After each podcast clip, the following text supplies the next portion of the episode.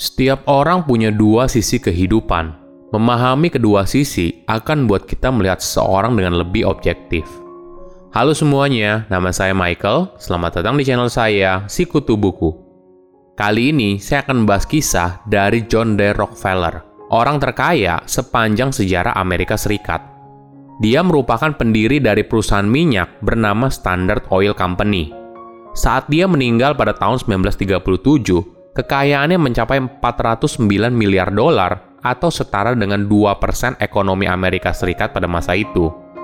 Sebelum kita mulai, buat kalian yang mau support channel ini agar terus berkarya, caranya gampang banget.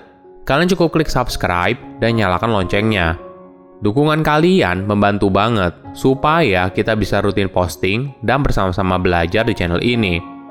Jika kita membicarakan sosok John D. Rockefeller, sepertinya tidak ada habisnya apalagi bagi para ahli teori konspirasi. Namanya selalu disebut sebagai orang yang menguasai dunia. Apakah benar? Di sisi lain, banyak orang yang mengenalnya sebagai pekerja keras. John mengumpulkan kekayaan yang melimpah dari gurita bisnisnya. Bagi yang mengenal John, dia merupakan pribadi yang dianggap kejam ketika sedang mengincar sesuatu. Namun di sisi lain, dia juga banyak bersedekah di penghujung usianya. John D. Rockefeller lahir pada tahun 1839 di Richford, New York. Dia merupakan anak kedua dari enam bersaudara. Ayahnya boleh dibilang merupakan penipu ulung keliling yang menjual minyak ular. Dikenal sebagai Devil Bill, ayahnya terkenal karena bepergian dari kota ke kota menjual obat bohongan yang mampu menyembuhkan kanker dan skema penipuan kesehatan lainnya.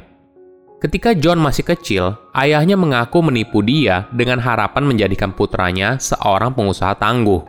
Dia bahkan bercerita ke tetangganya kalau hal ini dilakukan olehnya untuk mengasah intuisi bisnis anaknya dan mengajarkan nilai sebuah uang.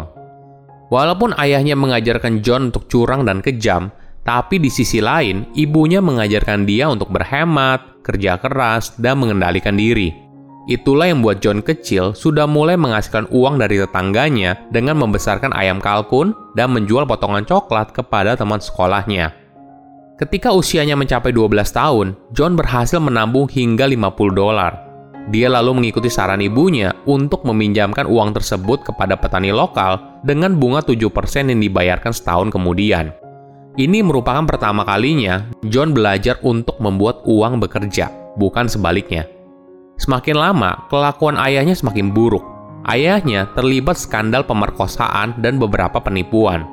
Karena malu, ibunya lalu memindahkan keluarga mereka ke Cleveland untuk bersembunyi. Di sana, John mengikuti kelas bisnis di mana dia belajar soal pembukuan. Untuk membantu ekonomi keluarganya, John bekerja sebagai asisten pembukuan. Pengalaman sebelumnya saat meminjamkan uang kepada petani dan menjual barang kecil membuat John menjadi berpengalaman.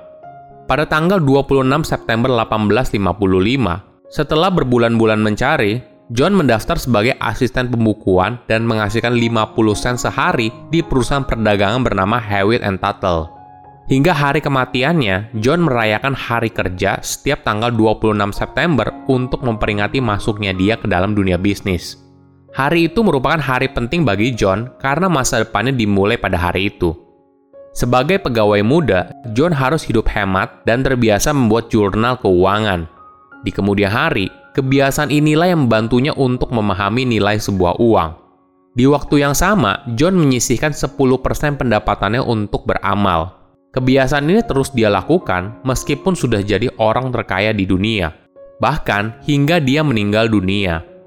John merupakan pekerja keras, dia pun naik jabatan menjadi kasir dan naik lagi menjadi karyawan pembukuan dalam hitungan bulan.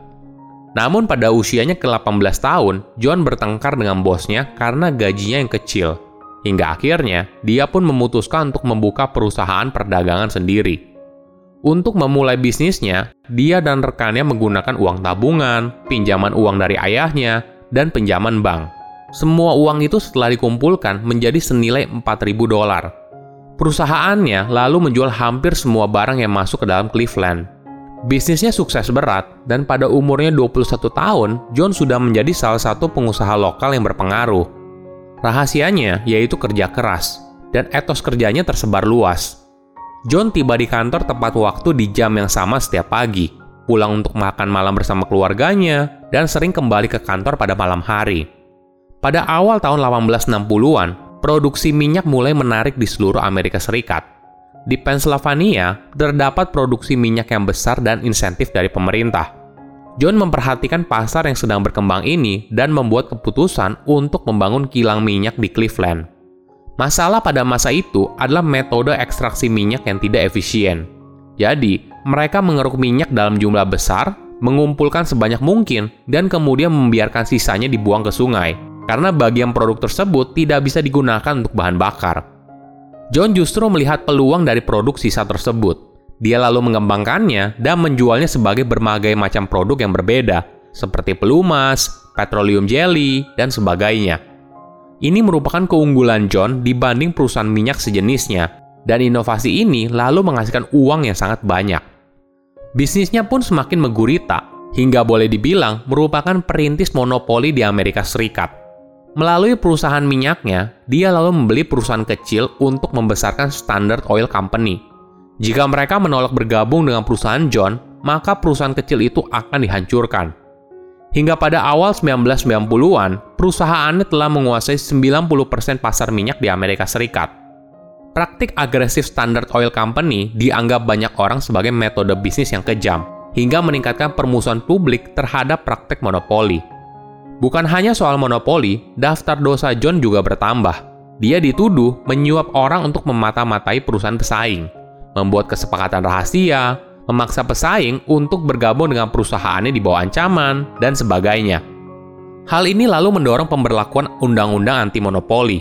Hingga pada tahun 1911, Mahkamah Agung Amerika Serikat menyatakan perusahaannya melanggar Undang-Undang Antitrust Sherman dan dipaksa harus dipisahkan menjadi 34 anak perusahaan yang berbeda, termasuk perusahaan yang akan menjadi Exxon, ConocoPhillips, Chevron, dan lainnya. Reputasi buruk John dalam berbisnis bahkan sampai disebutkan sebagai orang yang paling dibenci di Amerika Serikat pada masa itu. Untuk memperbaiki reputasinya yang buruk, John lalu menghabiskan sisa hidupnya untuk beramal. Dia bahkan dikenal selalu memberikan uang kepada anak kecil yang menghampirinya. Salah satu kegiatan amal yang paling menonjol adalah kontribusinya dalam pembentukan Universitas Chicago. John kemudian melanjutkan untuk mendirikan Institut Penelitian Medis Rockefeller yang sekarang disebut sebagai Universitas Rockefeller untuk mendorong studi tentang penyakit dan pencegahannya. Berbagai teknik yang lahir dari institusi tersebut telah mengubah dunia biokimia dan kedokteran, termasuk pengobatan pneumonia dan meningitis pulang belakang. John lalu membangun organisasi amal Rockefeller pada tahun 1901. Fokus yayasannya bergerak pada bidang pendidikan, agama, dan pengetahuan ilmiah. Yayasan tersebut juga berkontribusi pada pencapaian besar seperti pengembangan vaksin demam kuning dan keberhasilan pemberantasan penyakit cacing tambang di Amerika Serikat. John sering kali bilang kalau orang kaya seharusnya tidak meninggal hanya dalam keadaan kaya, tapi orang kaya seharusnya meninggal setelah melakukan banyak kebaikan dari kekayaan yang telah dihasilkan. Sepanjang hidupnya, John telah mendonasikan lebih dari 500 juta dolar Salah besar jika kita berasumsi bahwa orang kaya selalu bahagia. Yang jauh lebih penting soal kekayaan adalah apa yang kamu lakukan dengan kekayaan tersebut. Silahkan komen di kolom komentar pelajaran apa yang kalian dapat ketika tahu informasi ini. Selain itu, komen juga mau tahu informasi apa lagi yang saya review di video berikutnya. Saya undur diri, jangan lupa subscribe channel YouTube Sikutu Buku. Bye bye.